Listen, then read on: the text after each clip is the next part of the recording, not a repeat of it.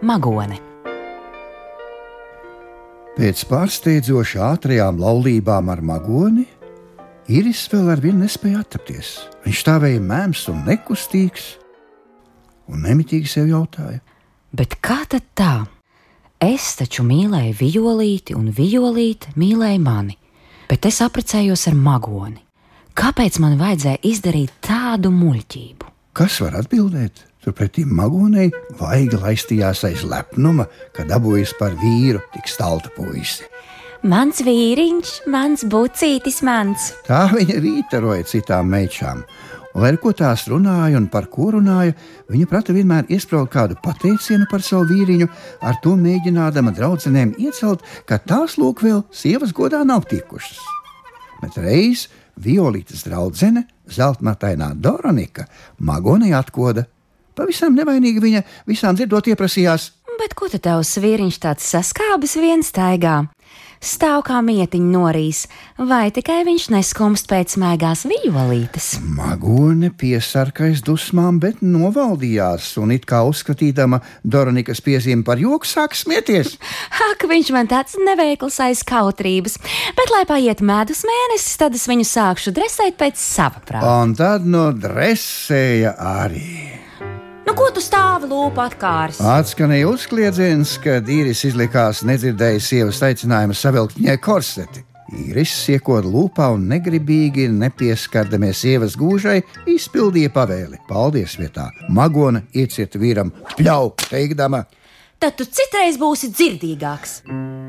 Lai ko darīja īris, magonē nekas nelikās paprātam. Ne viņš mācīja dakšiņu turēt kā pieklājas, ne ar nāzi rīkoties.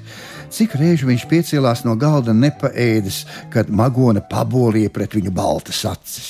Ja tas notiktu vienatnē, īris vēl kaut kā būtu piecieties, bet magonē gribējās citu sievu priekšā padīžoties ar savu varu pār vīru. Ja tikai pagadījās, kādai pie viņiem ienākt, tā magona sāka komandēt. Iris šurp, iris turp, padod man to, noliec šito. Un tagad noskalpsti manu roku. Pakas man muguru. Ar laiku īris iegaumēja, ka magoni visvairāk kaitina tas, ka neievēro viņas rāšanos un pamācības. Kad magona atkal uzbreica, ka viņš neprotot dakšiņu turēt, īris nometa to zemē un ēda ar pirkstiem. Kad magonis skaitīja visādas pamācības, kā uzvesties mājās un viesībās, īris ļāva sievai izrunāties līdz nespēkam, un, kad tā noprasīja, vai vīrs esot sapratis un iegaumējis, viņš nožēlājās, izbrīnījās, paskatījās magonē un nevainīgi pajautāja: Vai tu man to teici? Magona tvīka kaislību liesmās, bet, kad tā vakaros aicināja vīru gultā, tas aizbildinājās, ka jāiziet laukā zirgu piesiet, un kā gāja, tā pazuda līdz rītam. Beidzot, Magone neizturēja un izsūdzēja savus bēdas Dārīģenei, par kuru runāja, ka tā protot vīriešus pieburt. Mīļā magone! Iesaucās Drīģene. Nu, kāpēc tu jau ātrāk neatnāci pēc padomu? Šitāds koka gabals ar manu dzīru vienā mirklī var padarīt dūlus. Drīģene ielēja pudelē zaļganu dzērienu un pamācīja.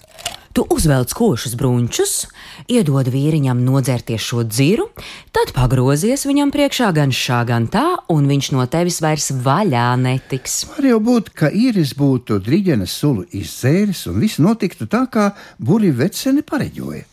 Bet vai tad magone varēja nociesties, nepalielusies citām sievām, ka nureiz vīriņš dancošot pēc viņas stabulas? Vai ta sieva par savu ģimenes dzīvi kaut ko pastāst citām sievām, tad pēc piecām minūtēm tas jau ir zināms vīram. Tā arī šoreiz. Irisam atlika pietiekami daudz laika apsvērt, vai dzert drīģenes dzērienu, vai palikt uzticīgām atmiņām par violīti. Magone, labā ticībā, burvis dzērienu spēkam, uzvilka košus broņķus, ielēja drīģenes sulu glāzē un piedāvāja Irisam. Iedzer vīriņu, es redzu, tu esi tāds noguris. Īris uzlūkoja magoni mīlīgām acīm un paņēma glāzi, aptvēra sievu ap vidokli un teica: Iedzer sieviņu malku uz manu veselību, pēc tam es iedzeršu uz tavu veselību. Magoni laimīgi uzsmaidīja īrisam un atgāza galvu, lai tad no vīniņš ielējot mutē vienu malciņu. Bet īris, ko viņš izdarīja? Viņš sagāza sievai iekšā visu drīķenes dzērienu, un, kad tā trakuma pārņemta metās viņam ap kaklu, īris paķēra jau laiku sagādāto žagaru sauju, uzlika sievu uz ceļgala un pacēlis košos brunčus, sāka savu mācības stundu.